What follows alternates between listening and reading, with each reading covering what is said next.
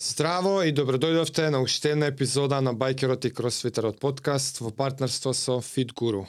Ако се имате решено да преземете нешто со здравјето и здравиот начин на живот, но разбирливо помеѓу секојдневни работни обврски, тренинг, кај да се купи, што да се купи, а и реално немање толку многу избор за здрави оброци, Fit Guru е тука да ви помогне.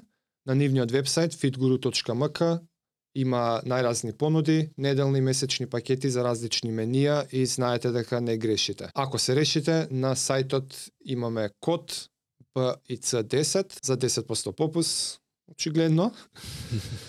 Голема благодарност и до другите наши пријатели спонзори, Best Way Solutions, CrossFit Скопје, гледачите секако, секогаш ќе ви се заблагодаруваме на вас. Многу ве почитуваме и не радувате кога не гледате и, и ни пишувате.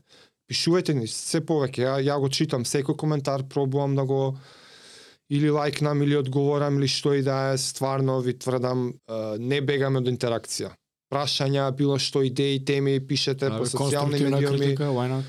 Критики, сугестии слободно, што на YouTube, што на по Инстаграм и кај што не следите, без проблем, ние имаме само благодарност за тоа кон вас. Денешната епизода, кој што е очигледно, е една од оние кај што сме само ја и жаре. И за оваа си одбравме навидум две различни теми, ама кој што ќе видите, кој што ќе стане очигледно, толку се испреплетени некако и една со друга денес, а и испреплетени со еден куп други теми што сме ги поминале до сега.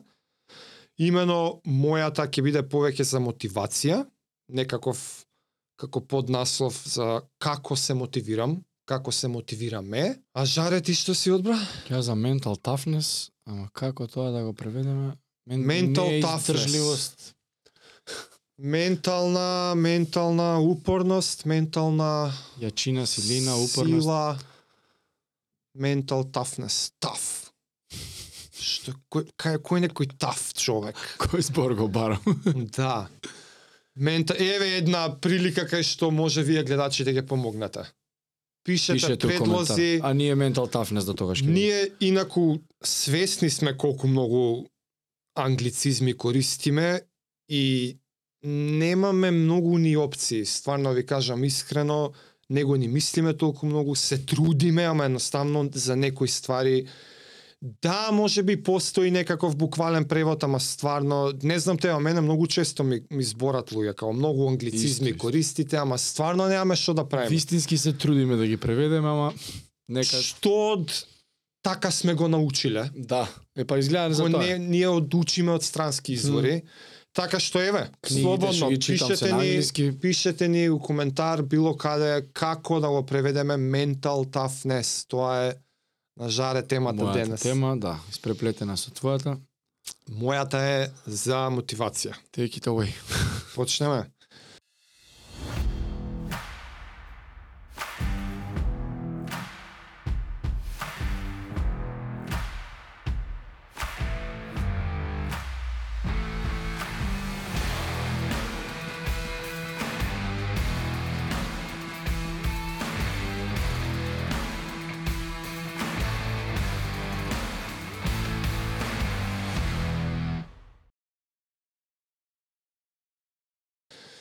Прво што ќе кажам е дека се што знам јас е научено од други и некако спроведено низ моето лично искуство. На тема мотивација сум свежо мотивиран да зборам од еден друг подкаст, многу познат, на Ендрю Хюберман. Тоа е Стенфорд професор, Професор, да. по неуро неуро нешто. Со хормони, мозоци и слично. Да, и е премногу упатен човекот и има еден од по популарните а, подкасти кои што се прилично технички. Значи како да сте му на предавање. И баш една од последните епизоди беше за на тема мотивација, ама Хюберман ко Хюберман си навлезе на велико у хемии, у допамини, у неурохемија, у биохемија, вакви патеки, онакви патеки, така што, ако е птен ве интересира позадината на ова, тоа ви е една прв чекор. подкастот на Huberman Lab. Од таму јас ептен ќе пробам да скратам и упростам како И по преведеш. последна верзија на моето разбирање уште неколку аспекти што до сега некако не знаејќи, не сакајки, интуитивно сме си ги применувале, сега Хюберман ми ги дообјасни малце по сувопарно со наука. И да почнеме. Дека мотивација, односно тој нагон и импулс што ние го соодвестуваме со чувството мотивација. Тоа нешто што не тера да правиме нешто е уствари целосно контролирано, са, е, ја изгледа од, од одма греша правам, не е целосно. Го голем дел контролирано од допамин. Толку популарен збор у последно време, не знам дали има, за колку се не ствари не е одговорен допамин, ама меѓу другото и мотивација. Клучен хормон. И ти не знам, ти ми спомна, не го пратиш баш, ама од други ствари сигурно читаш. За допамини, за тралала. Сегде ги зборат више тие не Прати му ја... не е негова не е негово да, истражување. не е него. Да, е да. И да напоменам, не се ова на, на Хюберман истражувања, туку он е научник кој што соработува да. со други научници и само интерпретира Така, го различни информирале они. истражувања. Они го научили. Ама пази му ја, не знам ти од други ствари, од други места дали оваа аналогија ја имаш прочитано, за како да си направиме разбирање за допаминот и начините на кои што функционира. Ајде. Ако го разбереме допаминот како еден базен, wave pool, а, базен со, Со бранови, брана. сигурно сте биле Од Турска на одмор код деца. негде кај што има базени што прави бранови. Кога е во мирување, за да речеме, базенот е полн до одредено ниво. И тоа е baseline level на допамин. Тоа е твојот резервоар. Аха. Арно, ама тоа е резервоарот на на молекулата допамин кај тебе. Е сега, како вариациите на брановите во тој базен го возат чувството на мотивираност или немотивираност. И што вика, што викаат истражувањата? Та, еве, два еве кај прво ќе се надоврземе со лошите и добрите навики. Два е, спротивни примери за како да ја објасниме сликава. Желба за јадење сендвич од седмица и желба за истрачување маратон. Добро. Е. Добра, лоша навика. И еве сега и со плаќањето ќе виш како ќе ти стане јасно. Вика, идејата дека сакаш да јадеш сендвич од седмица ќе направи мал пик, мало врвче на ослободен допамин како проток низ телото. И Самата желба, ш- самата идеја, посакувањето. самата идеја, идејата, Аха. сликата за сендвичот од седмица Фала што ми ја стави се. ќе направи, ќе направи мало миниатурно врвче на а, значи Спајк. как, како го излачува и сега секаде кај што имаме рецептори за допамини, ќе го регистрираат покаченото ниво на допамин низ крвотокот и тоа е малото бранче. Веднаш по него, како и после секој бран, има мала долина, мало дно. Тоа дно, тоа тоа паѓање под бейслайнот е тоа што ќе те натера и ќе ти го даде нагонот да сега го бркаш сендвичот. Затоа што си под нормалата. Ти фали нешто. Сендвичот ќе го Ти исполни. и сендвичот ќе го исполни. И, да. И тоа е најпростата слика за еден од механизмите на допаминот и како што е уствари мотивација, што е импулсот што ќе те стане да направиш нешто. Е сега како ќе дојдеш до сендвичот? Пред да преминеме Ќе се таму. јавиш на се. Така, многу лесно и многу брзо. Е теа лошата навика. Сега ја сакам, ја плаќам, ја добивам бам бум. Награда. Што прави тоа? Во мом искачаш, се јавуваш, кај да е седмица брзо, лесно, без многу труд, ќе ја добиеш таа награда и моментот на задоволувањето, на желбата.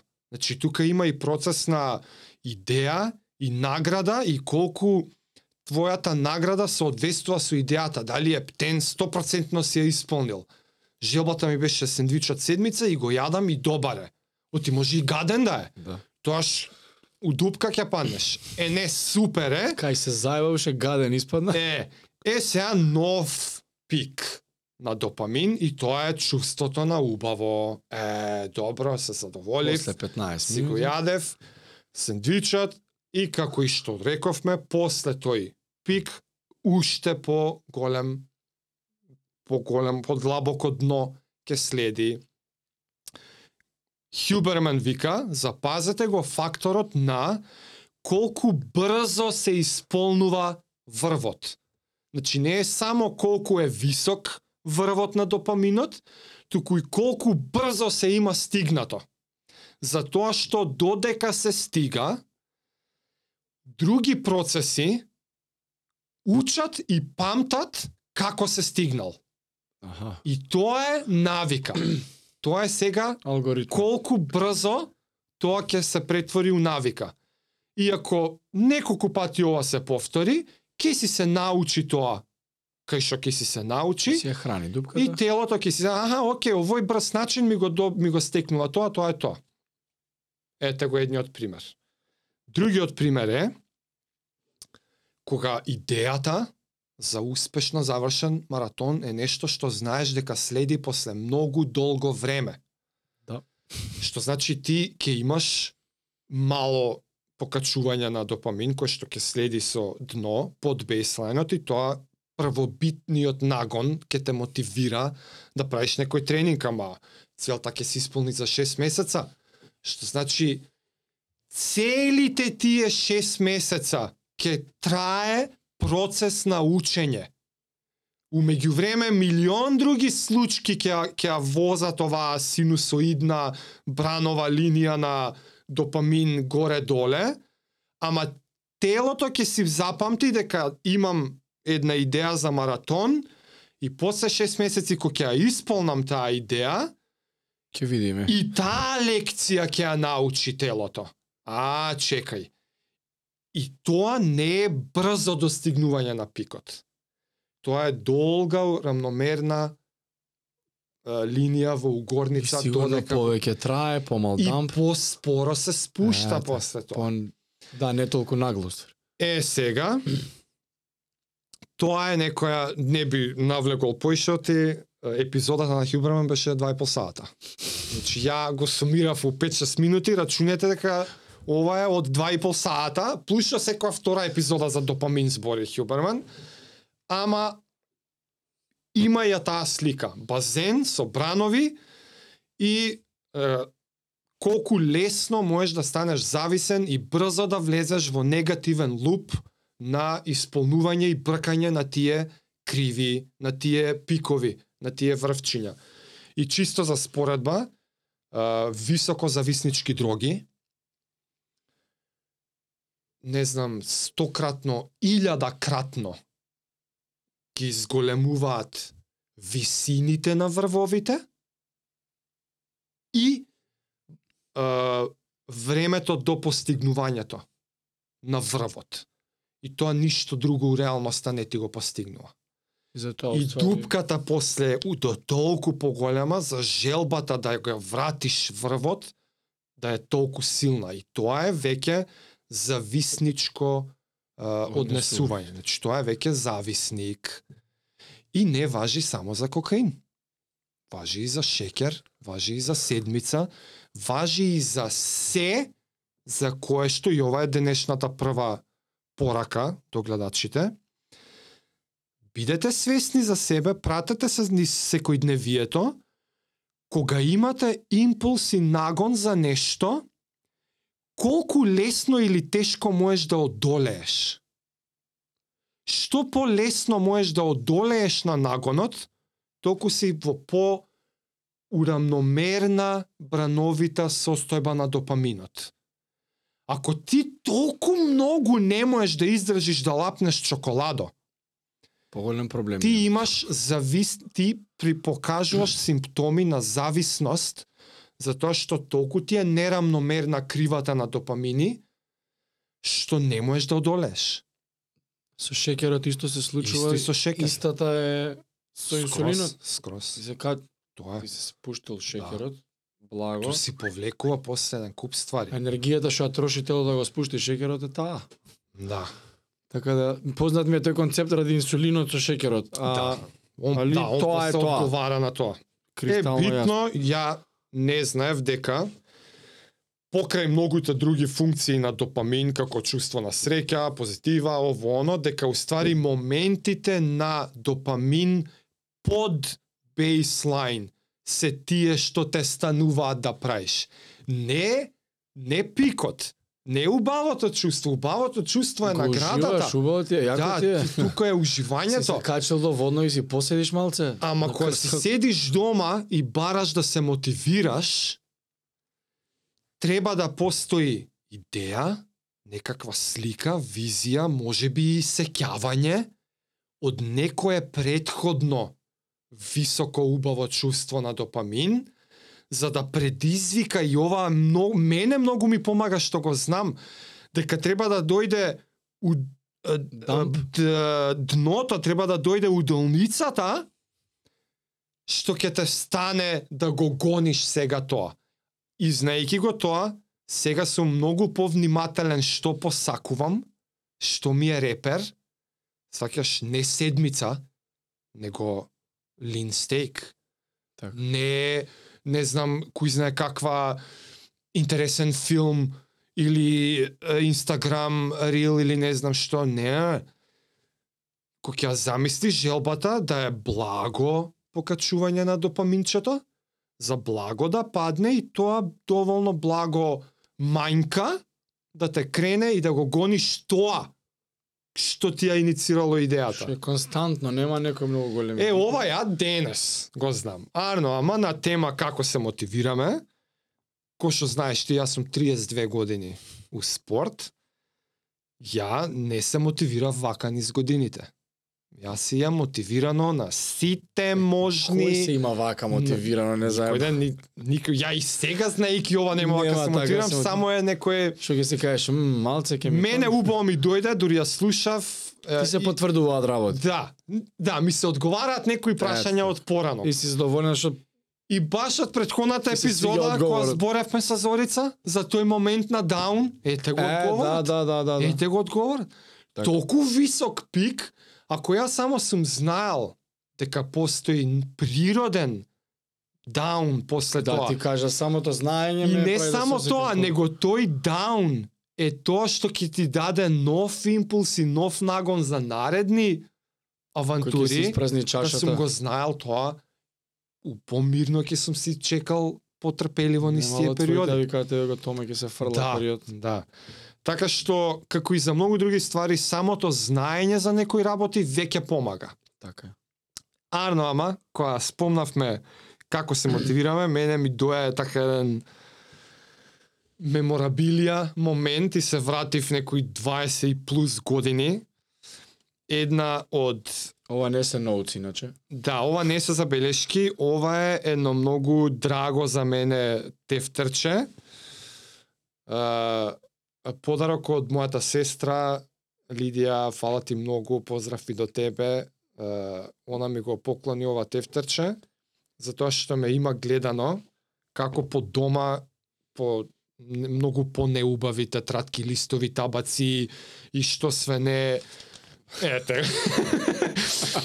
Ама ја едни купишта која почнував со, со атлетики, со која бев ептен. Една од незнаејки праксите што сум ги правил било водење дневник, ама а, не таков дневник, него спортски дневник, тренинг дневник.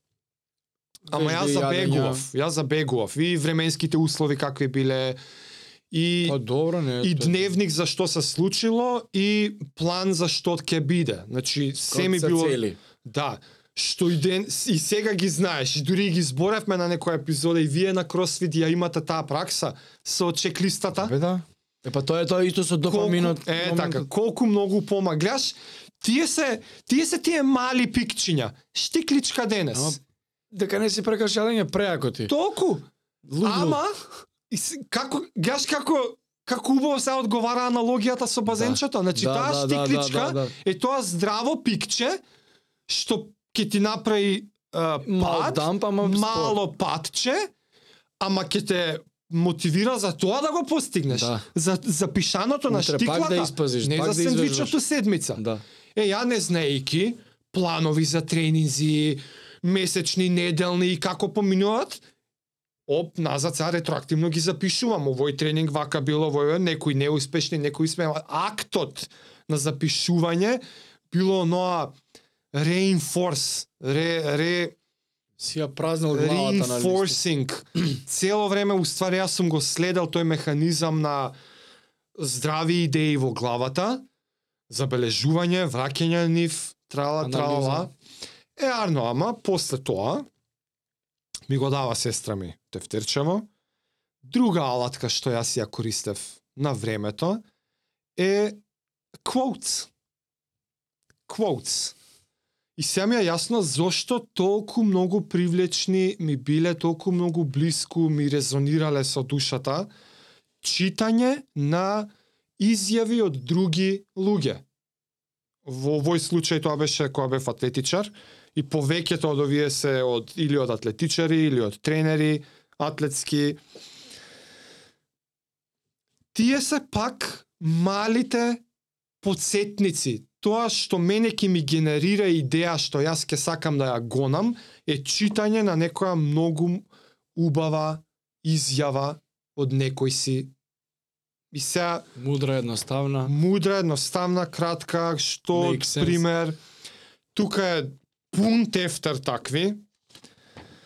Нема да ги читам сите, ама една морам да прочитам затоа што е во форма на песна и на англиски е, и се извинувам однапред и нема да преведувам затоа што ќе ја уништам.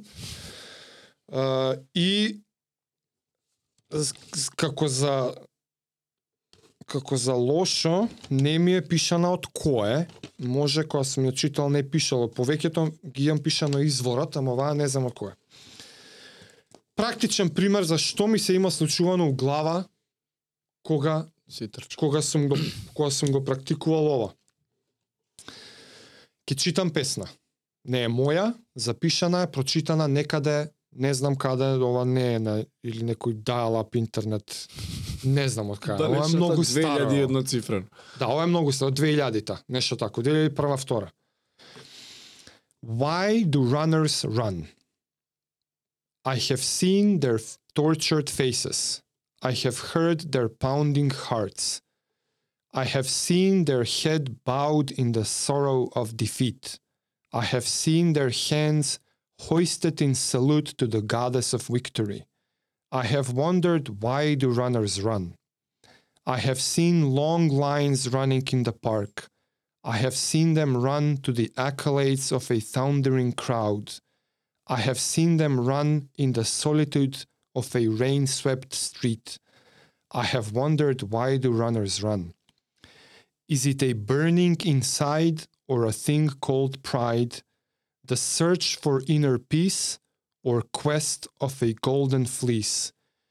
I believe the gods decree that some people must run to prove that pain is fun. Таман за пред маратон.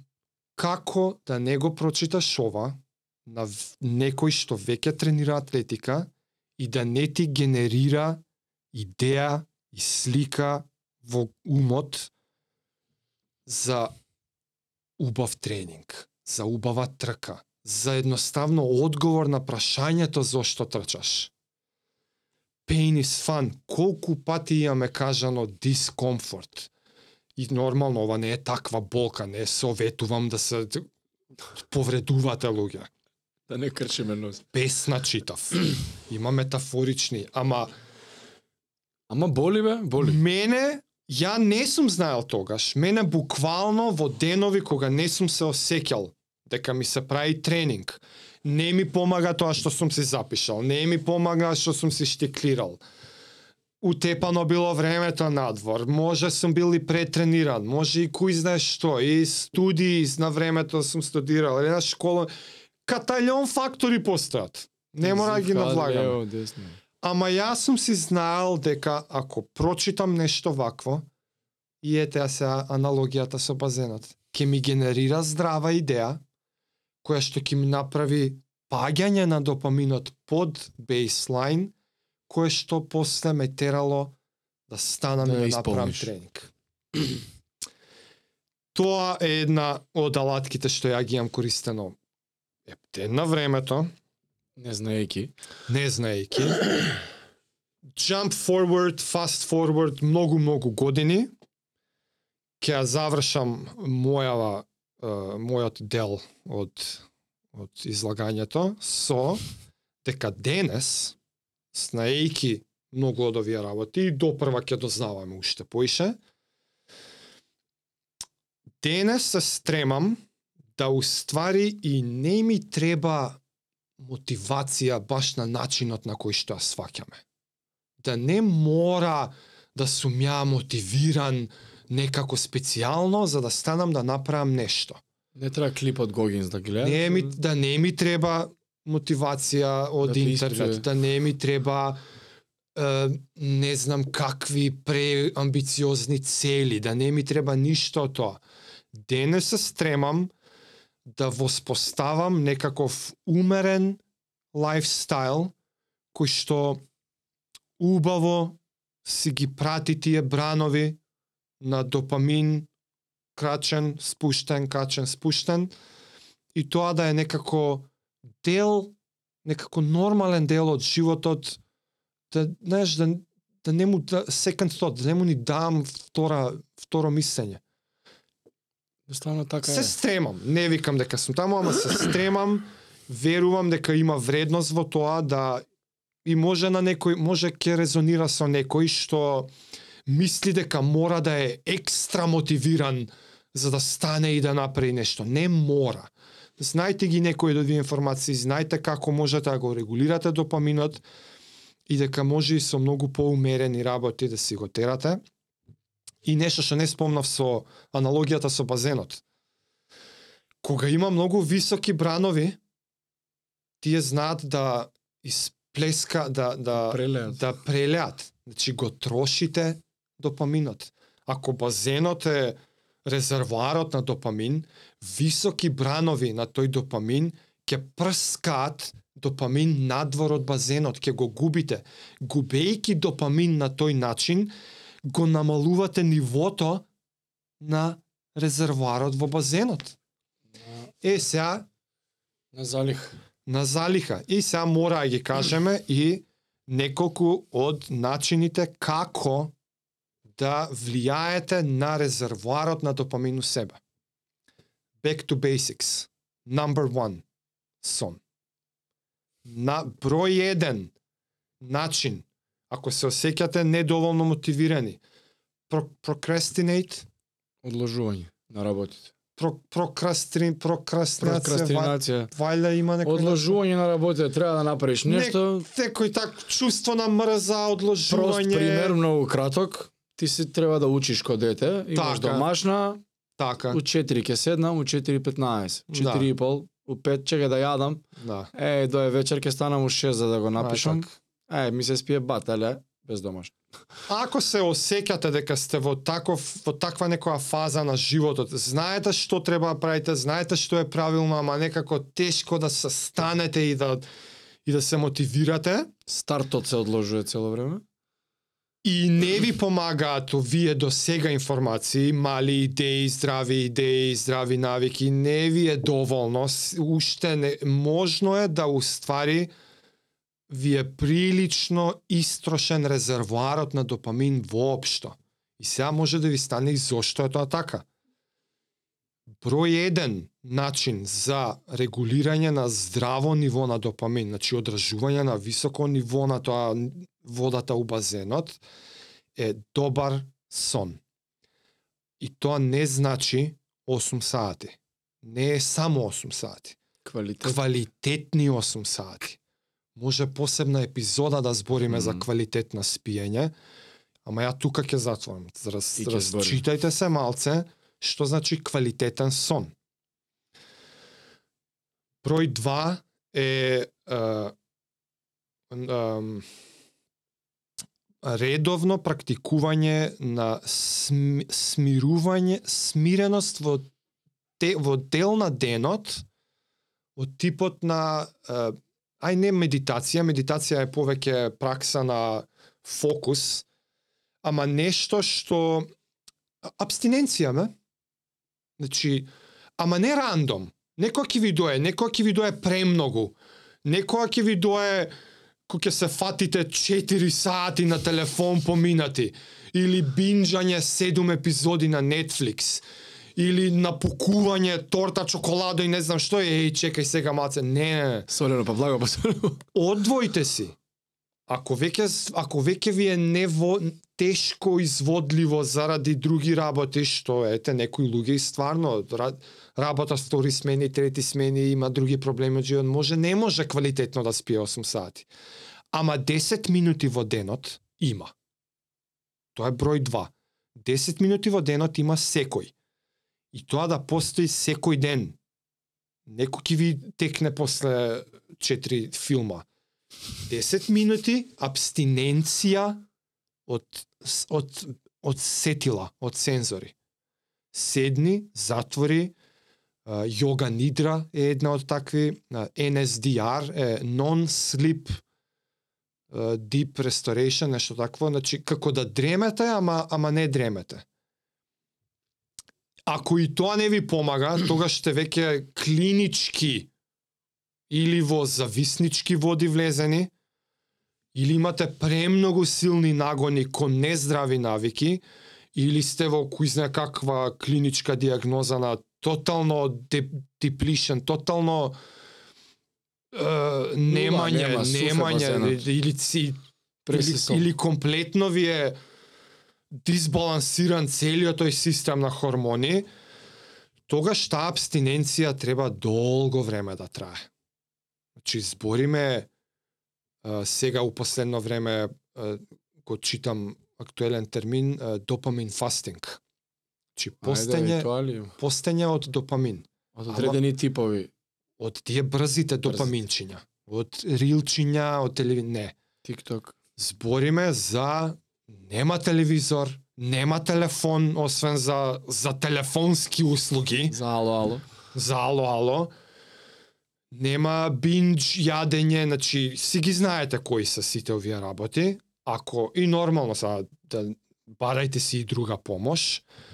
Ама мене ова само пак ми одговара многу прашања од минато и од и од други пракси, и источни филозофии, религиозни, спиритуални, духовни.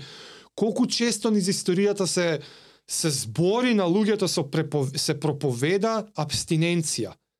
24 сата, 72 сата, недела, ваков ретрит, онаков ретрит. Значи, Да, да, да.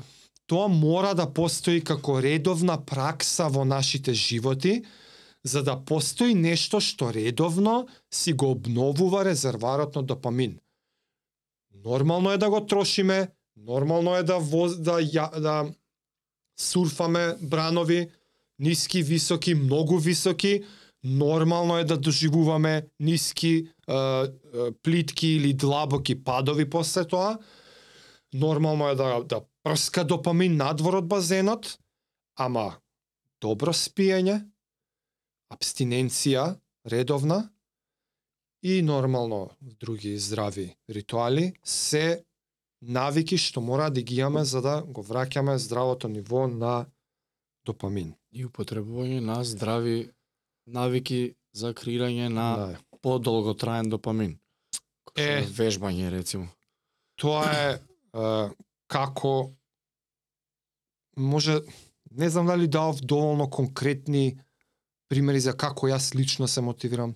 Ама така се мотивирам. Е, знаејќи на овие ствари, дневници, Здрави имаш и идеи, навика закоравена, што се вика позитивна. све, и, позитивно и, да, закоравена. свесност многу која да. Да. ги препознавам тие ствари. На претходната а, епизода све уствари. со Зорица а, што спомнавме, јас стварно За свесноста што е анксиозност беше Еве, од- а бе, еве и јас Awareness. 32 години спорти. Сите од овие информации ги знам. Пред две недели пак шамар. ама се случуваат работи, бе, што да правиме, ама дури и мојата да речеме релативно здрав баланс на сите овие работи и и не и ненормално редовно пратам на спијање, пратам на тренинг, се мислам да не се да објаснуваме за тие работи, Самиот Се фатив? како ми се зачестила употребата на телефон, ама за социјалниве Види, апликациички. И, и ама и се што фа, направи ти? и, и викам чекај и повеќето нови телефони имаат uh, screen time. Мгм. Одиш во Да ме прашаше некој, да, идеш во сетингс, ќе најдеш колку време користиш тај таа апликација или колку време е уклучен 15 минути. екранот или не знам што. Да ме праша некој пред да про или еве и самите направите си оваа вежба, пред да, добар проверите, тест пред да проверите одговорете на прашање колку време мислиш дека поминуваш. На телефон, па колку засебно на секоја апликација, Ја ќе кажав саат. исто. Два и пол. Два и пол човече.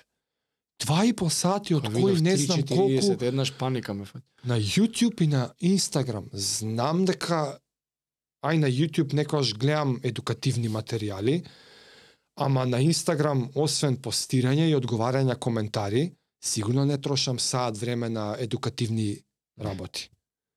На Reels. А не, не се ни осудувам таму да. Значи, Само мојот фолоу. application settings time limit 30. И да видиш како Ти си ги чуваш. Знам дека имам.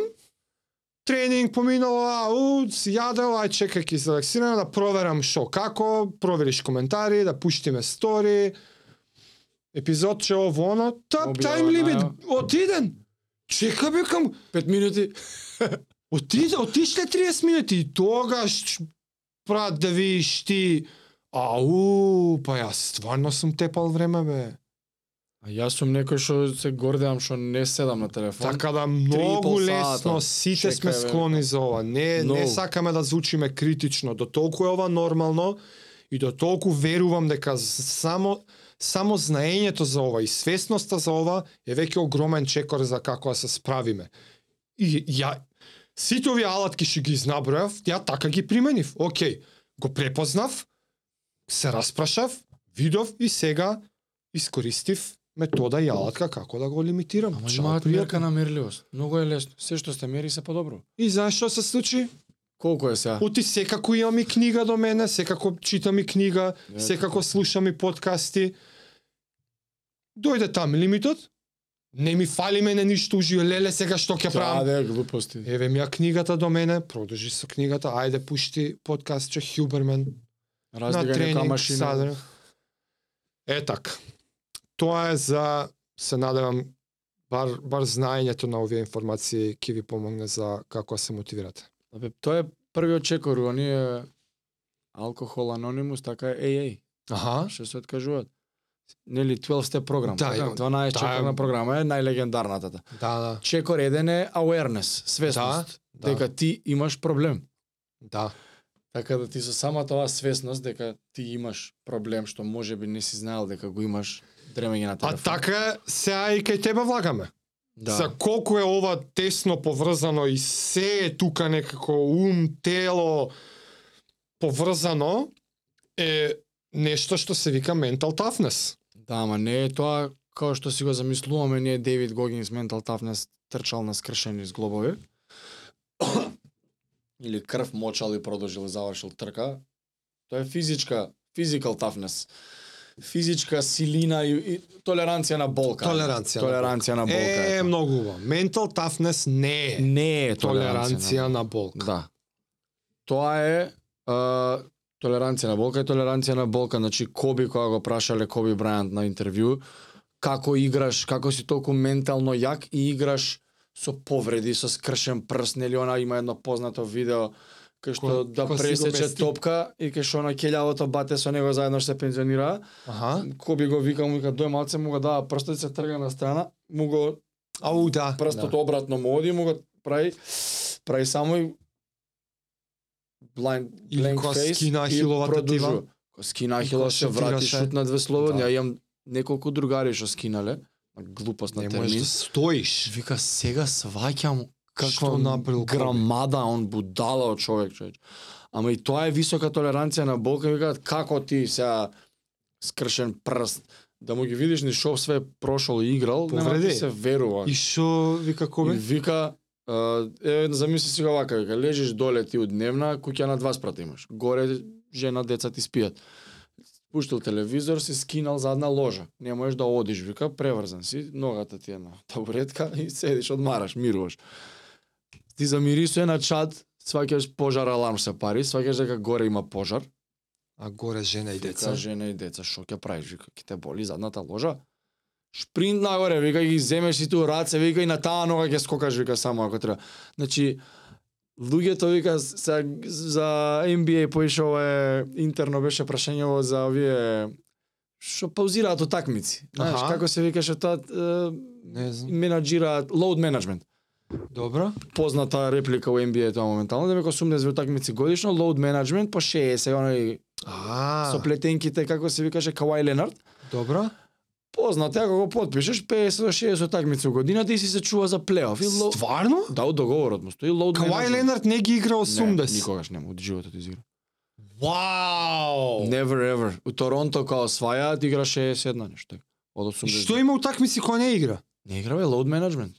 Kawhi Leonard is on load management today, so, so Вау! на почеток казнуваат тимови, Грег Да. Поповиќ им измислуваше повреди. Го боли рамот. Вау, Како ќе го не казнеш, го боли. знал, Тони Паркер не играл, не знам каде, го боли рамот. Да. И шо? Ќе бараш белешка, Да, доктор да, ме да. боли, и шо да правам? И така некои дупки на оѓа. Те однесов на тангента, да, Да, што ти не е ни важно. и го прашува што мислиш за модерно во NBA од како се пензионираше, демек, за load management и слично. Зошто ти играше демек овакво и како преку повреди, демек може некој фан да купил карта прв пат ме гледа, вика, собрал пари, тоа е тоа. Мене ми се деси тоа. У Јувентус да ги гледам со Милан, Кристијано Роналдо у живот, повреден човекот. Со Србија ни помалку ни повеќе претходната утакмица, верате? Се се деша јеби ама се вика до толку да он вика треба да ја сакате толку многу, тоа му беше ствари, тоа е поентата на мавето.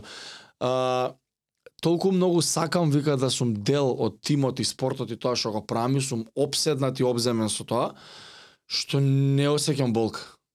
Толеранцијата за болка е поголема. Значи, и се сите uh, викаат mental toughness, е оноа Коби е најментали таф од сите. Не, mental toughness од кај Коби е која ја кина хиловата пета и која по секоја цена ги шутира слободните, ги дава слободните.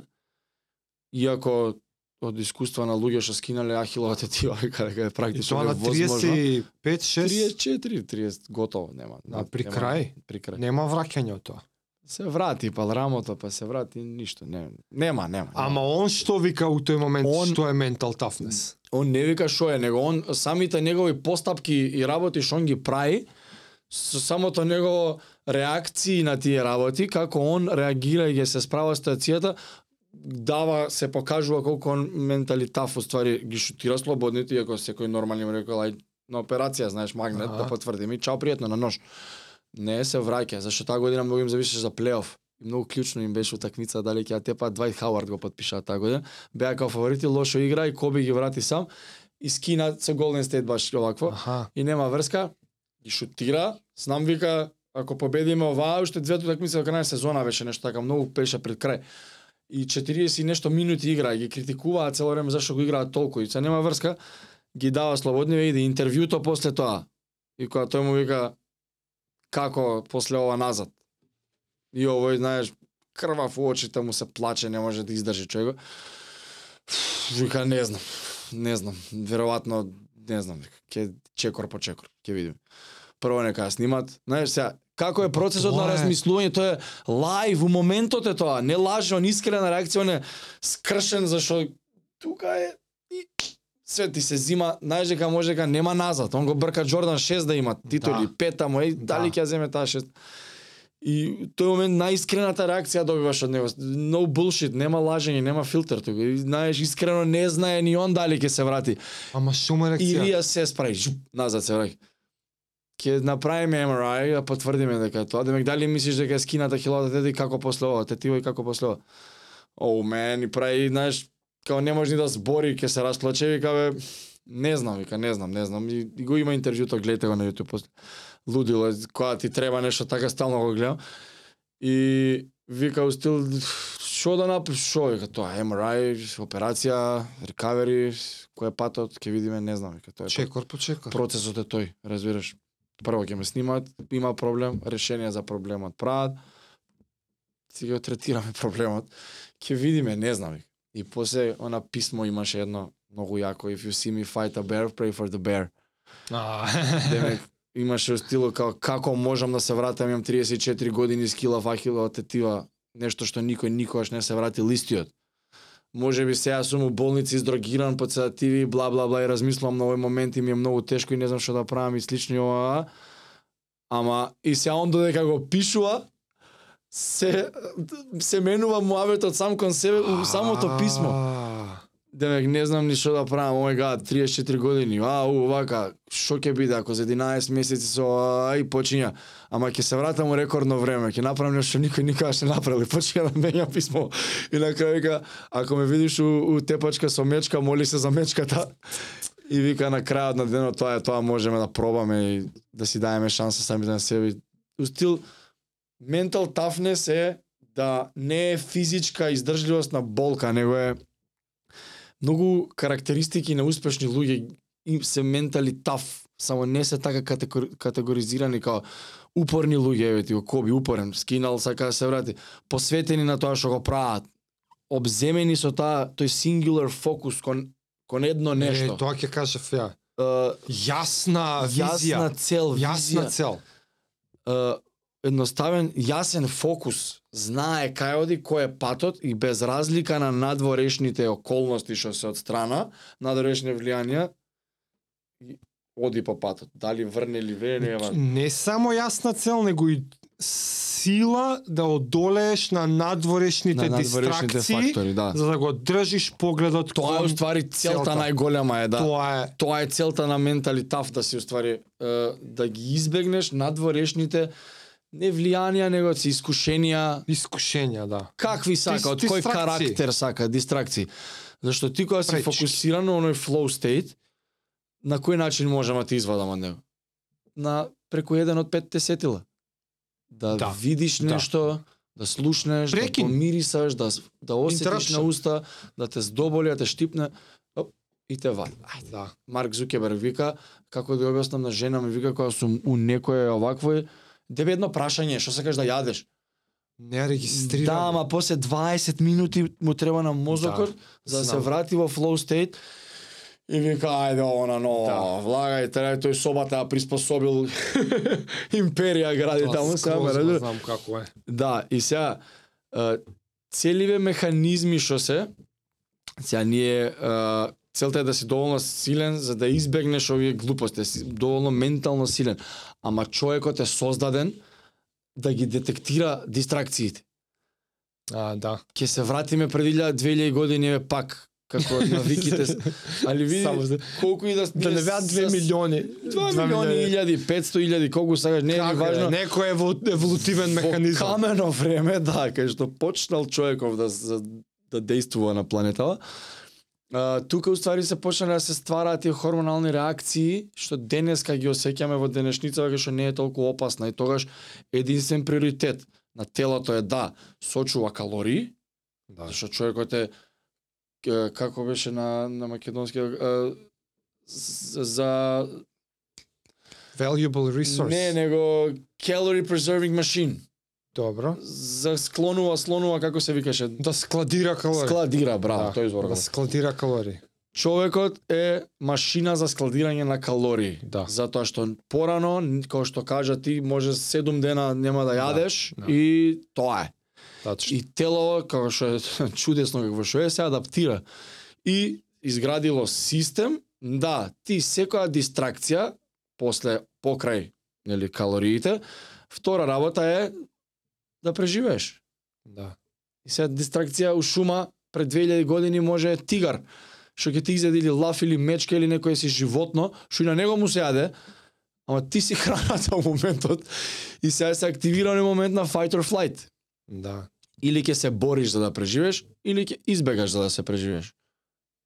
И затоа сме као истренирани секојаш дистракциите да ни зимаат внимание. Да, Дека да е животна опасност. Тогаш било. Да, да, тогаш. Денес ако свирне некој на си работиш дома, рецимо, лупам и сега улица имаш покрај станот или канцеларија, не е ни битно, и надоле пеп пеп некој се расвири на кола, гужва на некој у град. Толку. Да. Отиде возот. Или на илјада позитивни коментари, еден негативен Браво. и тој ќе те боде. Е, тој ќе те боли. Милиарда луѓе ти кажат, преако он. И еден да каже, колку сте дебилни за такво не е бил. Да. И тој ќе те јаде. Тоа сега овој, зашто 1001 не се позитивни? Ама те јаде. Јас свесно знам дека не треба така. И ти смета. Не за коментар, за било која И таква сега нека работа. ментал Не е за во овој на- случај не за social биде media. И реално. знај дека ова е еволутивен механизам, Да, И знај дека ова, држи се до твоето. како што кажа ти, а, знаењето Е, знаењето, самото тоа што знам што е и како е, ме прави да ми го олесни проблемот. Ми дава одговори на некој начин, Да. свесност. Се number one нешто што е е свесноста. Ти мора да си свесен и прво да разграничиме што е mental toughness со physical toughness. Затоа значи трно таму. Е сега. а, фокус е тоа што е mental toughness. Не е фитнес. Колку си ти физички фит. Не е колку си способен да истрчаш или е кој би играл со скршен прст, вау, колку е ментално јак. Не. Толеранција за болката му е висока затоа што го сака спортот, ментално е јак кога станува во 3 са бајле за да оди у 4 на тренинг.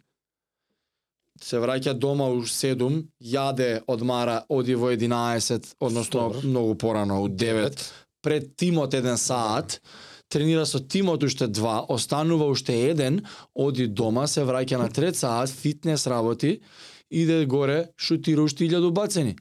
Значи, менталната снага негова тука е моментот на што он покрај се, ова е лесно еднаш да го направиш. Еј, преако, о, го видов, збореше на не знам каде, лудило е, леле, сега ќе идеме ќе тренираме три сабајли и ние, ќе станеш еднаш. Да. Ама Утредната нема 20 сакаш да години стане. кариера. 20 години. Он тоа го има правено до крајот. Да. Тим Гровер, неговиот фитнес тренер што бил долги години од 2008 натака до крајот. Победување ја има неговата книга Да, и на да, бензински кај нас Winning се вика, прочитете тоа е тоа. Да. Во главата на еден победник. Дали имал баланс во животот не, Ама, ама менталната снага му е, Е. да да покрај се како што сме зацртале, така ќе го направим. Ова е многу тесно поврзано со дисциплина, можеби. Не знам. скоро Си- како тоа Дали е истото, не знам така ми да кажам. мене, да. да. Е сега, чекор број еден што може да се направи тука е вербата дека можеш да ја изградиш ментална а, снага, ај ментална снага, Да, може така, така. така. ментална снага, нема сила. А, дека менталната снага се гради. Не е Не се раѓаш не со неа. бетон. Да, сега ти си роден и тоа е многу И да ментално си бараш оправдување, да. е, ја, Јас ја не немам- сум таков тип на ја човек. немам. Немам ја ментална снага. Немам ја, слаб сум, ја шо да правам? Таков сум си цел живот. Таков сум, да, најодвратните два збора што може да ги Таков сум си ја. Не, Тоа е, таков не верувајте у тоа. Не. Зашто?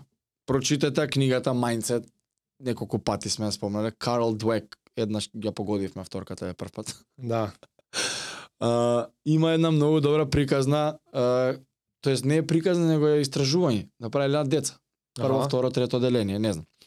Многу лесен тест им даваат на ево, училница од 30 деца. Го решаваат деца без проблем. На 15 од деца, дека им ги враќаат тестовите, пишува Браво, одличен резултат, многу си паметен или паметна. На другите 15 им пишуваат Браво, о, многу напорно работеше за да го добиеш резултатов. М. Секоја чест. им даваат нови тестови, сега ќе имате нови тестови, значи на деца, значи супер добро им ги взимате, даваат малце попредизвикувачки, да. попредизвикувачки за нивниот левел. Пример за трето оделение деца. И што се случува? 15 деца кај што им е кажано дека се многу паметни, многу брзо се откажуваат. Зошто? Зашто сакаат да го исполнат тој професи, тоа тоа како да го кажам, Пророчанство. тоа дека ти каже некој браво многу си паметен, што се случува кај деца? Да. Бе паметен сум. Чекај, и не пробуваат да фейлнат. Зошто? За, или сум паметен или не сум да, паметен. зашто знае дека нема да успее, вика е ова е глупости, не знам ја ова Да. така, да. Нема да искочам паметен. И да, и сика нема паметен, бега не се брукам и се откажува. А овие деца кај што си им кажал ти браво многу напорно работеше секоја чест или на крај уште му кажеш браво трудот. свака час за трудот. Јас сум тип на дете, човек што се труди. И вика ова се наградува труд. Зашто тие години колку можеш да разбираш ти, не знаеш сваќаш овие концепти, нема Да, ги бе, разбираш, да, да, да. ти ги нацрта некој. Ама кога некој преку такви манипулирачки работи, те тие тригери знае како да ги притисне копчињата, ти вика браво многу се трудиш, ти кажеш, «М, с трудот значи се ги наградува. Тешко ми е, ама ќе пробам да го решам целиот тест, па макар и да, да го направам лош, да. Да. не знам, ама ќе бараш начини, лево, ќе виш десно пробај, па плюс ти со оваа формула, Дали ја памтам добро книгата и не само што не се откажувале, него и решавале ствари што се и над тоа ниво за кое делението кое што биле. Не се сеќавам, не. Као прогресивно се потешки тестови им имаат давано Аха. и толку не се откажуваат, као Аха, успеваат и тие да. успеваат и као повисоки нивоа. Нешто такво беше. Дека ја ја читав ама одамна. Многу е важно да сватиме сите дека не fixed и growth mindset има. Да. Fixed mindset е многу си паметен. Фикс мајцет е фиксирано, првата група со децата. Да. Growth е браво многу се трудиш. Да. Со преку труд или растеш, пробуваш. Е затоа мора да Растечки дека мајцет. менталната снага се гради, како све. Како физичката снага што се гради, како мускулите што растат, така и менталната снага се гради, само што ти не можеш физички да го видиш тоа кога се случува, али можеш кроз сет примери што ќе ги даеме понатаму, да сватиш и да дојдеш до реализација и свесност голема да има кога да кажеш, аха, еве го тоа. Значи, бегајте од fixed mindset. Не сте вие тоа денес и крај, нема поправање. Јас сум слаб на трчање. Па слаб бев на трчање, па сега трчам. Голема работа. Трчај ќе бидеш подобар. Тоа што го правиш, на тоа што го даваш фокусот, тоа се подобрува. Да. Ако ти кажам јас сега надвор, ајде да гледаме црвени коли, до крај на вечер ти само црвени коли ќе приметиш. Она со Pink Elephant што е за ебанцијата. Да, бе, да, знам. за розови Don't think about pink hair. Да, и само на тоа ќе мислиш. Значи, мозокот не разграничува дали е добро или не е добро. Ти ако му се фокусираш на тоа, Патърн, што ќе му даеш? Патърн? тачно. Е сега ние да ги сватиме овие работи и да ги контролираме позитивно, да ги изманипулираме, нели на позитивен смер. Чекај само да го воочам уште еднаш експериментот со децата дека зборевме најлошите да два збора таков сум.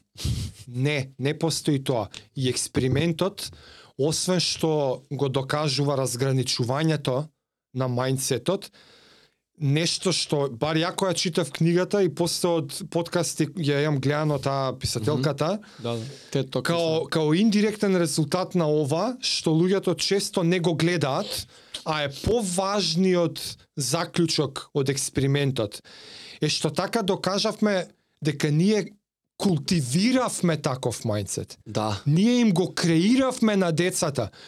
Они Тие деца свесни. беа сите исти неутрални. Да. Ние ги направивме едните фикст, а другите growth. И ако продолжиш да го reinforce тој начин Да на тој размислување, да. после 20 години тоа прво оделенче ќе каже па ја таков сум. Е баш. А добро утро, не си таков. Ај назад. И тука пак по милионити пат знаење за знаење е случај кога може да ти помогне да си свесно за себе да видите тоа. Така да јас само тоа ми текна на експериментот, ми текна на писателката дека сакаше да го каже овој заклучок, затоа те прекинав. дека- Дека тој тип на мајндсет никој не се раѓа така. Тоа е култивирано, социоекономски, обштествено, Локацијски. лока... како и да е, децата дури и она мислам дека збореше повеќе по дефолт се а, во growth mindset, као тој флоу, таа Сите деца креативата, сакаат да експериментираат. тоа а, гонење секогаш кон, кон знаење, кон љубопитност, А они зошто е вака? А зошто, Да. а зошто врне? а сите зошто се има со небо? growth mindset, Е, сега, уствари. За нивниот левел се тие прашања. Зошто има небо? Зошто има сонце? Али ако ајде достанеме прашање Да. за Маре, се ако го Да. гасиш дете у у старт, немам деца, али верувам дека е така. Абе, да. Е, Ама Не, многу не, не, заебана работа. Ге колку колку ќе си каеш, убаво мислиш дека правиш. Да. Еј, многу си паметен, леле најболи направи. крилеш Кој родител ќе си помисли дека направил белја? Тебе не го тепав, Не го не врејаш. го псуев, не му реков дека не го бива, Го сакам дете. го сакам, убаво петка му- ставив. Размисли малце, раз... имај го ова на ум, Мгм. Какви навики ствара и за да те вратам на што ти беше поинтата за вербата. Ако го знаеш ова, ако си во growth mindset, полесно ќе можеш да веруваш дека можеш. Дека можеш. Дека нели таму дај со процесот кажа сам прво што беше. Верба. Верба. Верба. Да веруваш дека можеш да го отпочнеш процесот. Е, така. Оваа ситуација е процес на отклучување на таа заклучена врата што е фиксирана у главата. Верувај си дека таков. можеш да си Не си ментално таков. снажен. Да, можеш да се смениш. Има мал милион примери. Затоа е спортот преубава работа и за компарација е многу едноставна. Колку пати се распаднал некој атлет, а и многу добра компарација со оние високо, високо, високо, па сега, што сака секој спор, спортскиот свет? Ништо, ништо не сака подобро од камбек. Некој спортист. А, да. Бил на врвот, пет години поред, Паднал. и сега да, е досадено, ај нека освои друг и малце почињаш да навијаш против него и он губи, па некој нов доаѓа и тој иде доле и каже ајде да видиме што си направен, дали ќе се вратиш? Дали ќе се вратиш? Дали ќе се вратиш? Тоа е потешко да тргнеш горе, да паднеш, дали ќе станеш пак? Исто ти е Па и тебе ментална се не е физичка снага, не е тој физичко. тој физичка снага постигнал. Да, Ментална бил. снага сега ќе го врати. Некој друг физички посилен или скил или у моментот Да. го сакал повеќе, тој го победил кој спорт и да е не е важно. Што тие Е, сега, другите у Лейкерс не се физички снажни. убаво што кажа за другите лекерс. Uh, ме подсети. Мислиш што е на у тенисот најчест муаве? Што ми се вика? У топ 50 сите исто играат тенис, нема Джоковиќ подобар форхенд од Да. некој бла Што бла. тој 50 не 25 знае и тенис да 28. игра. 50 најдобри на планетата у професијата што прави Да. 50. Од 8 милиона, поново мислам 8 дека е светот. Тенисер, не милиард, а, Е, Милиарди, извини. А. 8 милиарди луѓе има на светот. Да. Кој знае колку милиони тенисери има? да. А АТП не знам до колку број до 1000 и нешто 2000 не појман. И се тој топ 50 на планетата во нешто што прави топ 50 луѓе од 8 милиарди си. Нити како да не дека не знаеш. Што не си физички. Што викаат? Од 50 до 20 може би има некоја разлика да се примети. Топ 20 до топ 5 е друго ментално животно. Под топ 5 до топ 3 е друго ментално животно. Од 3, 2, 1 е многу различно. Кој си трет го бркаш, втор, втор, кога си више, си тропаш на вратата да си прв и можно е да станеш оној пикот најдобар на планетата во нешто. Кога си прв па те бркаат. Да. И тука, затоа Джоковиќ е ментална грамада, го викам јас. А прв да си да седиш да, прв. да си у рекорд и у сите Која мажи, ментална жени, снага е тоа, човече, ти да процесот го одржиш толку да си долго. прв и да седиш да си прв и уште И да, да сакаш да си прв и и, да уште да сакаш. држиш фокус и ништо не ти пречи И уште и 300 милиарди и, и да се не имаш. кажеме за страничните, да не збориме за странични овие. У Тоа. коронава што се исподи? Корона, не можеше И да игра. ништо не го деконцентрира. не го прима, иде. Да. Апелација, поминува. Ајде, тренира два дена. Шо? Назад. Па што направи кога те паше за? Е, и тоа сега ќе ти каже. И сега он година дена го чува. И он што може да направи? Да им си знае бе таму, никад не доаѓам скапаници, вакви, такви овиони, ваков, онаков, да им си знавреге. Никад лош збор не кажал, никад нема И навредено. сите ќе го подржаа. Да, управо. Да, 100% Што? управо. Он си можеше жртвата. кога да, оправдана жртва е Да, тој момент. Вистинска стварно жртва си. Стварно е жртва. Да. И цел свет знае дека он жртва. Да. И освен сега тие што не го сакаат, нема везе, али ви објективно гледано е жртва покрај тоа што ја го сакам, него објективно е глупости. Да, бе, да. Најздравиот човек е можеби на светот. Да, и сега бе, ти тој не вакциниран ги ти шири тебе, тама вакцинирани го ширеле. Многу нелогичности не навлагам. Ама ноле. Ноле година дена покасно го осваја. И што се случи? Кој мадафака, човече. Кога ја виде мајка му у публика, крах, емотивно, све излезе тука. Се расеа целиот на сите страни. Али одма се врати, ама нема врска, тоа уште поголема снага покажува ментално. Да. Значи држи, држи, трпи, трпи, трпи, трпи, играј, трпи. Ти знаеш кој за колку му било него главата ако победам па ваков говор, па онаков, па леле, па шо ќе Кој знае колку Како е тоа не го тешко. деконцентрира човече? Не знам. Каква ментална грамада е тоа човек? Не можам да сватам. Јас секад сум се чудел, како, како, Он е ултимативниот пример за а, како еден човек од што предавал мечеви за повреди станува некој бог на мајндот, на, на ментал тафнесот. Ти со Федерер игра на Вимболдон, 20.000 луѓе викаат Роджер. Да. меч поен за Федерер, таа вака пред публиката, века уште еден, уште еден. Се смешка знам. Врао, врао, врао, пуп, пуп, пуп. Немаше ни еден брейк не му зема. 7-6, 7-6, 7-6 го тепаш. А Роже кога зимаше сетот го полудуваше 6-3 Да. И пак и не е фер победи. Резултатот кажува, нема фер, нема. Ама ни еден брейк Што други Within the rules, се тоа е. И сега он од кога отишол, гледа до каде стигнал, сега го збориме за најменталнак. Uh, Чекор 2, што е у твоја контрола? А, Дали сега може се навраќаме на оние Значи ова се некои пракси Све ова тесно поврзано со што го збореме, со мотивацијата, со навиките, со процесите, со мајндсетот. Аха. Јас мислам дека ова напишано тука е еден стремеж и односно ова ментална ментал тафнес, ментална снага е стремеж кон оној warriors mindset, нели, најакиот. Да. Да. Е, Па тоа е еден вид на, на ментална најак снага. човек што ги Да, бара верзија. silver linings и убави Да. на у, у све. Е сега, што е од твоја контрола? Колку работи со тоа? Овие петте фактори за здравје, зашто го тупиме и збориме за спиење, јадење, конектирање со луѓе? Ти ми имаше една тренинг. една вежба кажано, Да. што може да се прави. Овој еден ММА бораш, Дастин Пориер, баш на еден подкаст раскажуваше дека порано имал многу проблем со anxiety пред меч, пред борба. Аха. Леле како тренира овој, дали поише тренира, дали доволно истренирав едно друго и гледал некој спортски психолог и психологов му рекол нацрта еден круг, земи еден лист и нацрта еден круг. И напиши све во тој круг што е вистински во твоја контрола. Например, дали ќе заврне, не е. Дали е спремен другиот борец, не е во твоја контрола, тоа е Да. негова контрола. Ти немаш тука ништо. Рингот ваков бил, публиката тоа рекла. Плюкале, пива, фрлале, не, песната на вокаутот, бла, бла, бла. Е, За- шо е? Запиши Ете ги, вика, ти сите тие работи, ама надвор од кругот. И тој круг тебе те штити, уствари, и ти дава една ментална слика, чистина, дека уствари све ова се дистракции. Ти дава еден го фокус. фокусот. Се враќаме тука, ова е супер вежба. Кругот го црташ и внатре што пишеш? Тренинг, исхрана, истегање, сега може да се Јадам наброи. ли, вежбам ли, спијам ли, Како вежбам, како јадам, како спијам, добар ли бев со мајка ми, добар ли бев со жена со ми, жената и со детето, дома, си спонашав ли ваму, толку. ети ги и relationships. Да. А уствари што имаш ти у, у контрола е главата твоја само. Да.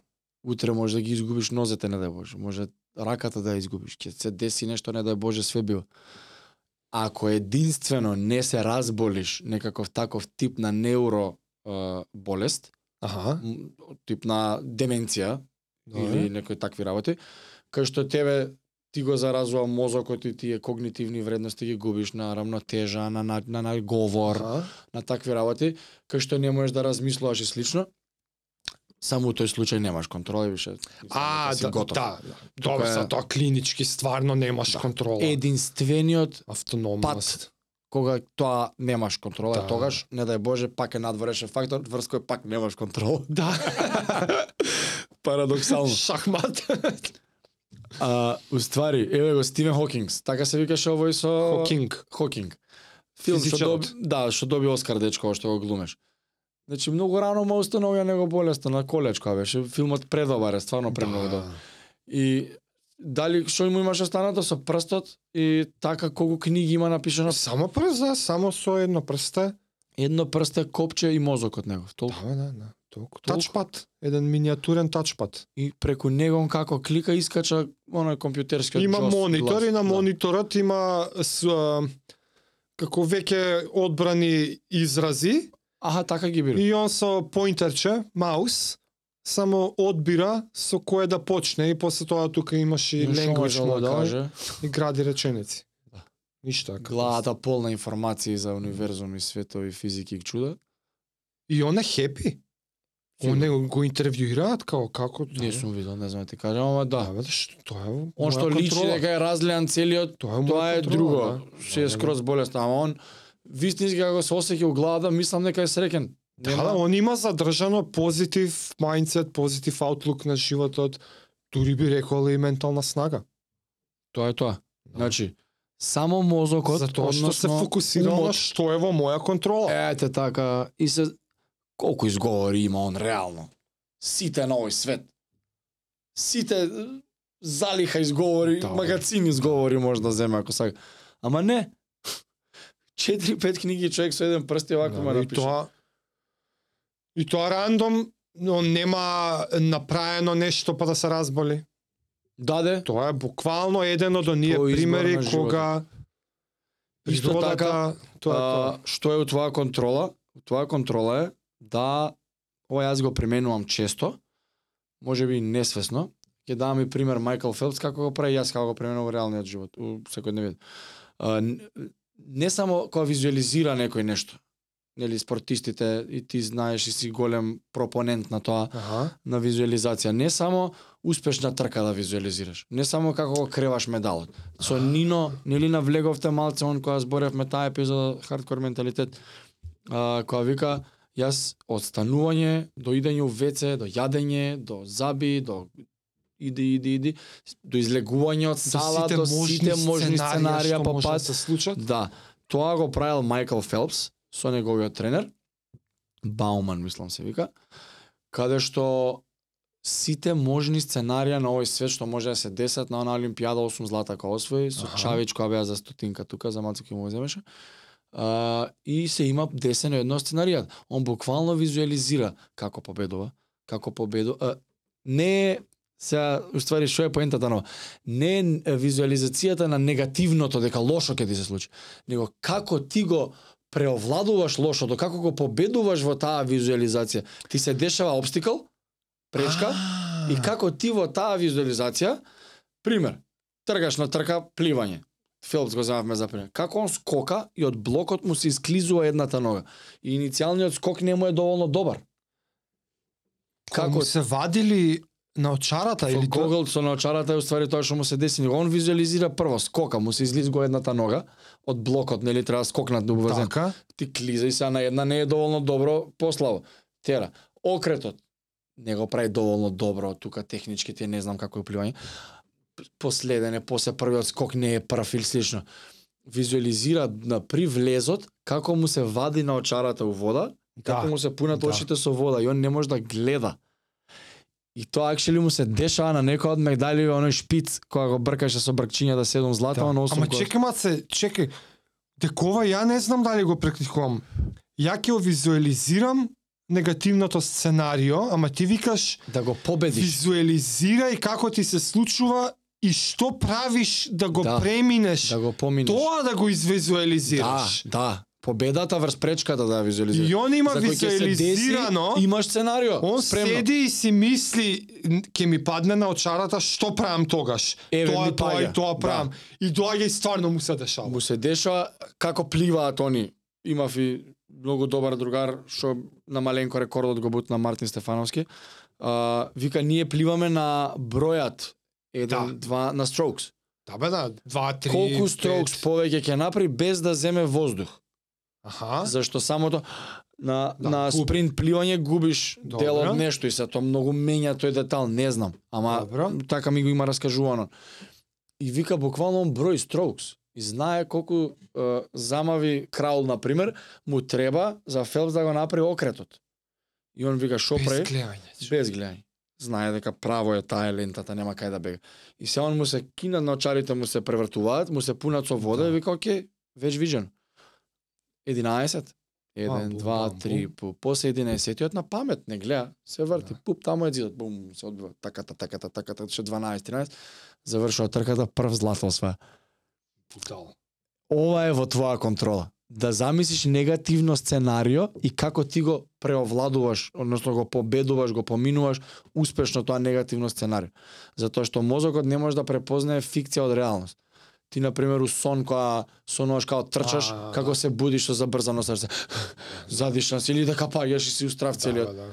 Значи срцето бие, чука побрзо. Да, без Се- самата се нер- мисла можеш да ги се будиш испотен некојаш, а лежиш. реакции, да. Како е возможно да спиеш? Да, да, да. Значи телото не, разми, не разликува реалност од, од, од фикција. И затоа е добро кога си оваа ситуација да го замислиш како го поминуваш. Кога се деси, кој вика они put the tape in.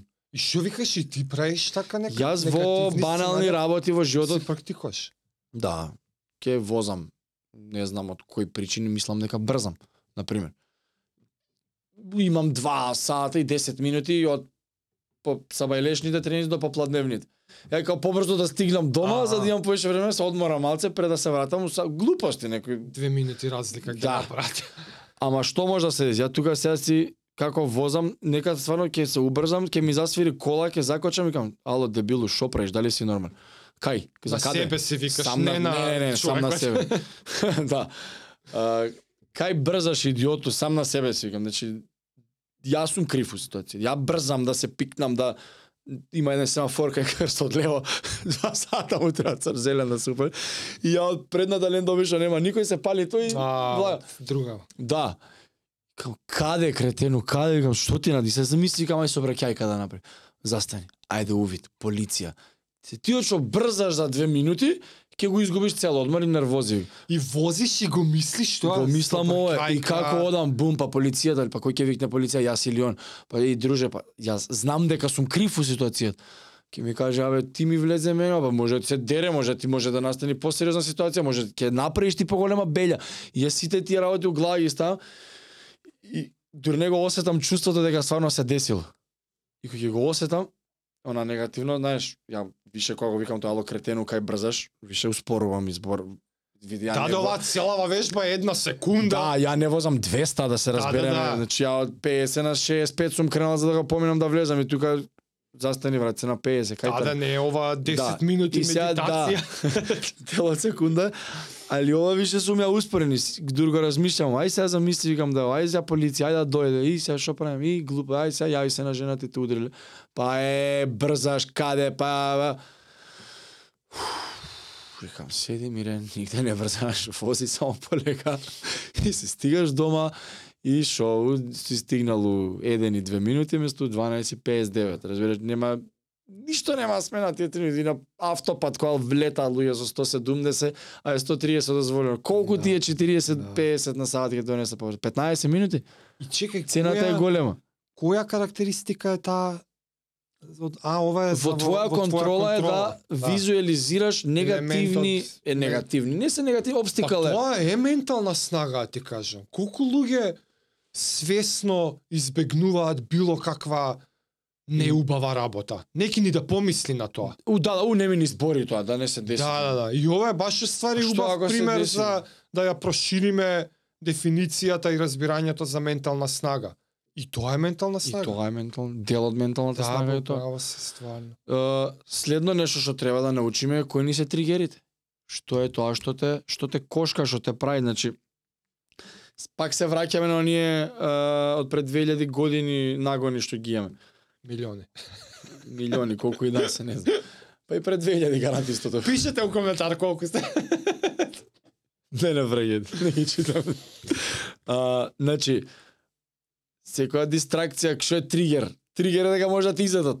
И ти Аха. а, све живо и диво иде fight or flight.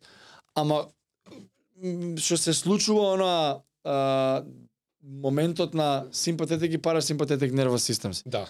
И се ти кога си управив си light она пе некој собраќај пе пе ајде бе мајмуне зелено зебали стотинка не помина тоа жуто уште нема на ке зелено И сега сега ти кажам нешто било што да те навредам, наеднаш ќе почнеш да Да, се се возбудиш, се- се активира. се исправиш прво ќе ти дојде една нервоза, ќе ќе се озбилиш целиот.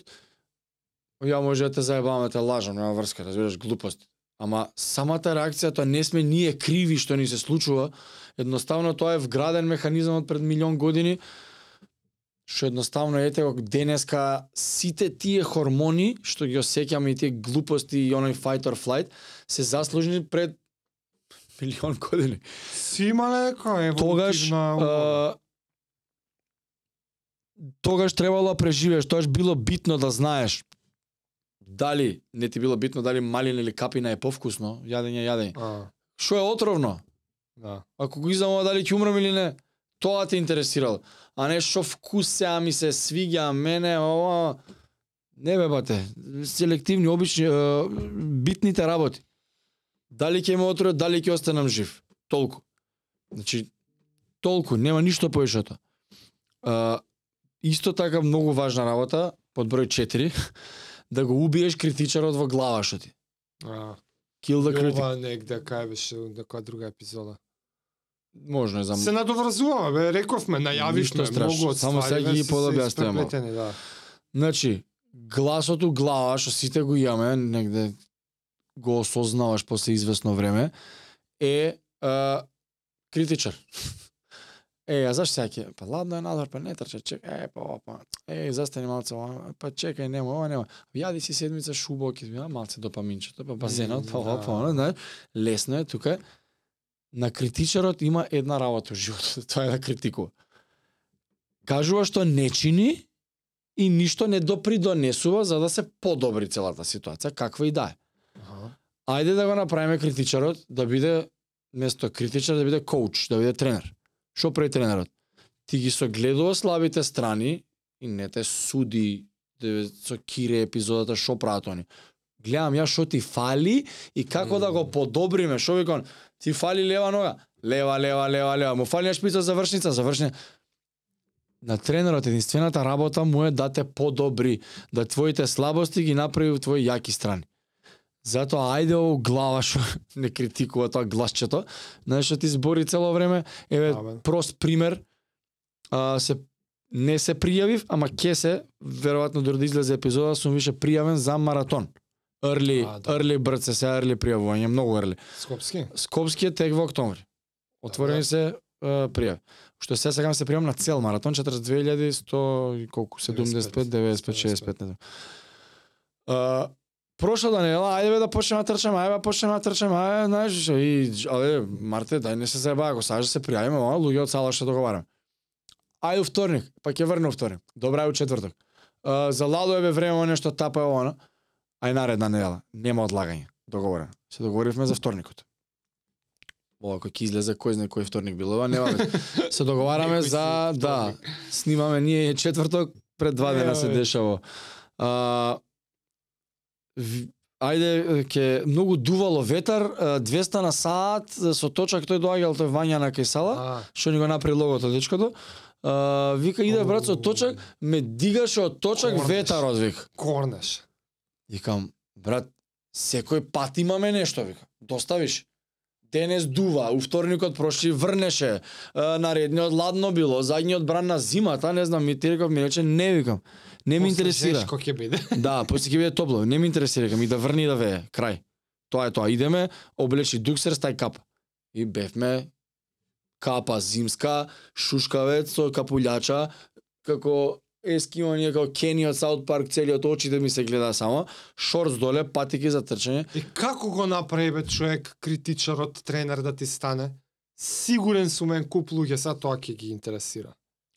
Awareness, број 1, почни Значи, види. Јас шо прашам на а, Сите претходни сите ствари што ги претходни кажа, мора за примени ги, така е. Сега ќе ти кажам под број 5 е тој последно е, а, нема го тупам више. А, после критичарот иде да бараш можности за подобрување. Ето. Значи, сега ги поминеме сите. Верба дека може, значи тоа е Верба чекор број 1. може. Верувам дека можам да сум ментално силен, Тачно. ментална снага да изградам. свесност, Свесно, да, свесно детектирам, мхм, не сум таков сум. што е моја контрола, Што е моја контрола? така. Фокусот и препарацијата. Да. Припремата што ти ја правиш. Значи, се фокусирам на маратонот, се спремам преку трчања милиарда не пати, е што се-. Не, што да му правам? Да. Свесен сум дека Ако чекам целта. совршени услови, никад нема да трчам. Подброј 3, научи, научи што те тангира, што те вади од колосек. Значи, Аха. што те вади од flow state, што те вади да те извади од колосек. Знаеш, научи го тоа дека е врежан систем во нашата Да. глава од пред милион години. Препознае го, осте Препознае. го, да. Кој ќе ти засвири некој, ќе ти дојде тоа.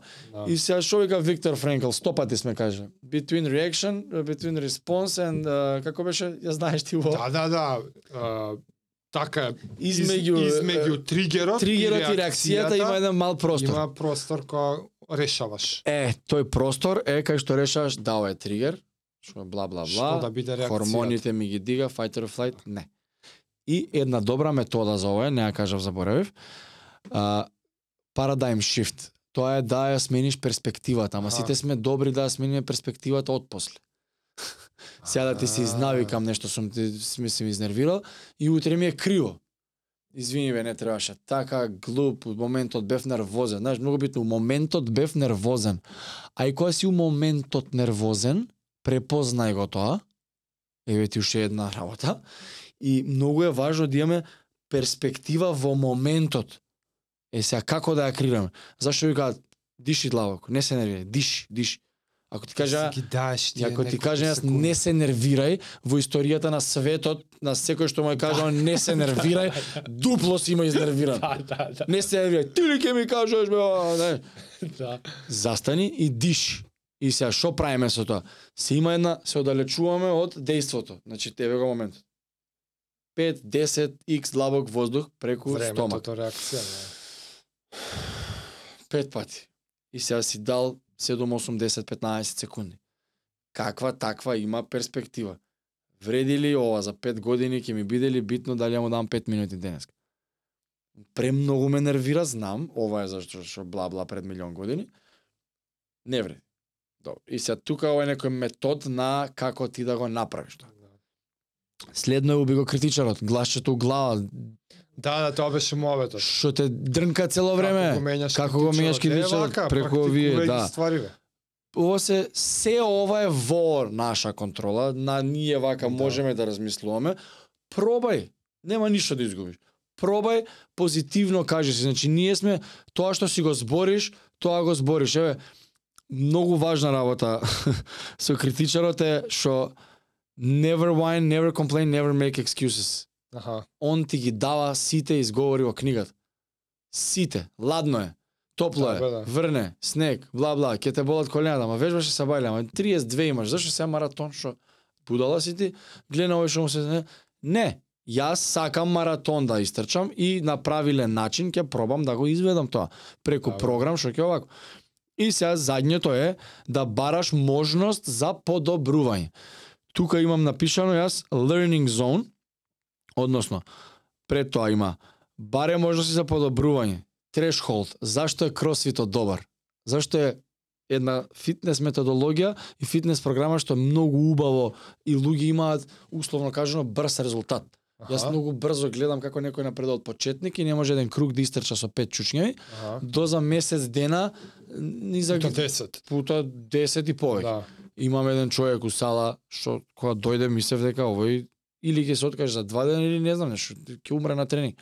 Пуши две кутии на цигари, пие, меф, ова. Нула спремен. Ај ќе одиме два круга. Застани. Добар си? Можеш? Супер. Може да чучнеме седни стани? Може. Ајде. Добро. Човече денес 10 пати по по 200 метара со де- 15 чучњеви, 10 склекови и 5 Ја. толстубар, 20 минути вежба. 10 А пати по е 200. со прагот, трешолд? А, трешхолд е оноа што е доволно тешко за да те натера малце Аха. да свесно се вложиш и да напредуваш, а е до, не е премногу лесно да го крузаш така ти лавао, Да, прагот. као на круз контрол. Зашо ја и ти не сме Формула 1 возачи? Колку време возиш кола? Зашо не си кар рейсер? Колку време? Што е разликата измеѓу тебе и Иđе? Што беше, што е овој што се трка беше на подкаст? А, иđе. Иđе свесно намерно се трка за да биде подобар тркач. напредува тоа. Во да. трешхолд е. Време брка, ај за секунда да подобрам. а, О, да, знаеш, Прека каде да напредува, тачно, ги бара патиштот. тачно. А да. ти ти е гајле од тука до дома на круз контрол. Него ни мислиш педали која мислиш, на стиска. тоа мислиш, да. Затоа е кросфит добар што секој тренинг оној ако си приметил на Garmin од зоните, зона 1, зона 2, зона 2, четвртата се вика threshold. Да, тоа е прагот. Тука е Секата. И сакаме најмногу таа да сме кога сме веж... 15 до 20 минути вежба, 15 до 20 минути што можеш си четвртата да си. Тука се напредува најмногу и најбрзо. И затоа е добар. Practice doesn't make perfect, practice makes permanent. За секогаш. Вежбањето не не прави да бидеме practice makes perfect. Знаеш што слушано тоа? Да, не, не, ја го знам, ама Тренингот да, те прави совршен. Не, не, не, не, невозможно е да си совршен. Невозможно е секогаш да погодуваш. Ке промашиш еднаш. Да. Не е возможно. Најдобрите на светот не се совршени. Ама, Ама. низ процесот на кој ти сакаш да станеш совршен, толку се усовршуваш, не си совршен, ама се усовршуваш да тие прави промашувања ги минимализираш перманентен, на најмалце што можеш. И си перманентен тука, Да. затоа што цело време идеш кон тоа, иташ кон тоа, сакаш да си совршен и Да. тренингот нема крај, нема те прави перманентно да си у фокусот, у процесот. М, И се ова е најбитно, како да си а, можностите за подобрување у трешхол. Има а, learning zone, се вика. Е сега, комфорт зона, learning зона, кај што можеш да научиш, кај што е трешхол, Мгм. и кај што е survival, кај што е више екстрем. Комфорт зона што е у ресторанти го промашиле, не знам, си нарачал Кока-кола, ти тоа Кока-кола со лимон внатре и ти стајал тој. Не си Добро. не кеш Кока-кола со лимон и тој е стајал у чашата, не си го изел лимонот. Е сега и на ова ако не можеш да одговориш, значи си mentally weak. аха. Значи ова е basically, але тука добро сгрешил голема работа, се напишко. Второто е uh, learning. Е тука е трешхолот. Спремаш детето са бајле на школа, му даваш да јаде, истурило млекото, пукнало, некој тантрум се десил, сокот те испрскал лом, ти на работа треба да облечеш со бела кошула облечен тука, ти си истура кафе, нешто се несе кајки, Добро. имаш 20 минути до работа, ептен си кнап со време, ла, и се, како ќе изреагираш у тој момент? Ти се дешава тоа, треба детето на школа да го однесеш, па ти идеш на работа, ќе закаснеш 9 200%. Па лежеш чоп и сега тука е она од мали возрасти кога децата ги Добро. направиле growth mode да не се fixed, тоест ги направиле Да. fixed не growth. И тука таа реакција кај што ти можеш да научиш, тешко е да не си знавикаш, нервозен си. А, саш да кажеш, таа ситуација... Мене ми се деси оваа ситуација не со дете, со жена ми. Мо- Можеш да одбереш да го искористиш како прилика за учење. Да. Тоа сакаш да Еве а приликата. Нервозен сум зошто ми истори ке каснама. Мене ми се деси тоа и понеделникот излезе епизодата со мајндсетот. Ја гледам со жена ми ми вика и изборам јас. Треба свесно у тој момент да е браво, а у петокот Да. што направи? Да. Викам човече, дали ти се верува дека у тој момент премногу пробував, многу тешка недела имав, напорна, од јутро до сутра бев, цел цела недела и беше петок. Пет дена и наредните два дена знаев дека ќе немам слободно време да си поседам. Аха. Роден ден ми беше па ваму, па овој, па овој. Што избувна нешто И на негде? агенда бев. На другар дете му се роди. Ја вечера требаше да идам да излеземе со жена ми за роденденов мој. Е, идам, ми вика дојди на Мекици брат, те молам не можеш да не доеш. Идам, викам чекај на Мекици сум прва па, па И што се деси? викам на агенда, и за нервоза имав. И јас свесно тој момент се облекувам и не успеав да го да се смирам. И земав и се изнавикав. А, тоа е случката. Ја од после имав е, се вратив и реков извини ти ми организираш да идеме роден ден да славам и Јасно, си ти ништо јасно, лошо јасно. не мислиш ти ти не си криваш јас сум имал тешка недела Да, бе, што ми е да. напорно и набиена агенда ама пак ти си изнавика викам извини гре ама то, ја многу брзо сваќаш е сега многу е важно да овој овој процес е never ending Ето. јас и ти не сме експерти ово јас ти Да, да. пробуваме да го примениме Ма затоа го порекаме пракса. пракса Ке го животна пракса Еве, јас сум ти го, го кажувам ова на Да, наш да, подкаст Препознаја таа ситуација и Јас пат грешив, јас заебав работа. Еве прилика да научам. да Пет Знаеш колку пати пробав во моментот? И дишев. И знаеш зашто се дешава ова? Немој не се нервирај, не се нервирај. Ја- Престани ова, ова. И come fuck it. All hell breaks loose. Така да, тоа е тоа. И сега, исто mental toughness со трчањето. Излеговме, трчавме и Да. го почнавме процесот. Не ме интересира мене утре какво Да, ќе бе, биде да. времето. Ние трчаме, момци, тоа е, се фативме за орото народски кажано. Тргнал возот. Крај. Тоа е тоа. А што ти е И третата зона? најголемата, а? Три тр- зони како да имаше. А, извини, леле, да. А, ова е learning zone ствари. Така? Моја грешка, се извинувам. Survival е ова е више Survival. а, Океј. дека кад тато живот ќе се деси срање. Да. Ќе спиеш, од три сабајле ќе ти се јават на некој нешто му се случило близок твој или. Е сега целава оваа mental toughness не припрема за кој ќе дојде тој момент кој знае колку е тешко, не знам, не дај Боже, имаш рак, ќе умреш, е, овој ќе умре, оној ќе близок човек се разболел, се се случува. Не дај Боже. Али ова е тој кај што е више малце ригорозен дел, кај што стварно многу треба да си ментално силен, да не отстапиш и да кажеш, добро, не дај Боже имаш рак, што е следно? What now? Сваќам. Тогаш Добро. ментална Која стаза е? снага, Која фаза е? бар ќе ти даде повеќе опции за Што понатак? превземање. Леле, имам сега, ќе умрам, о. Ќе умреш без разлика, човек, нема бегање од тоа, сите Да. ќе умреме еден ден. Да, некој порано, некој покасно. Дали е убаво тоа? Не, јеби го, тоа е животот. Ама, ако се деси, се ако се откажеш, ќе умреш. Ако не се откажеш, ќе умреш Малце регарлес, покасно, може да. може би малце покасно. Ама зошто да не се ја даеш шанса дека end резултат ќе биде? Да. Зошто да не го прологираш тоа малце поеш? Е кон тоа се стремиме која е таа не дај Боже сега јеби га таа задња зона, али таму е најтешко. Тоа е онаа црвена зона у спортот кај што не можеш да збориш и тука не, не е трешхолд зона за напредок, М, него таа зона не поиш од минута не е убаво да седиш. Survival. Буквално е survival зона. Зашто е ова многу битно? Што најголемата адаптација се случува меѓу ушите. Што е тоа? Ке кажеле прво се е психа Да, у главата. така.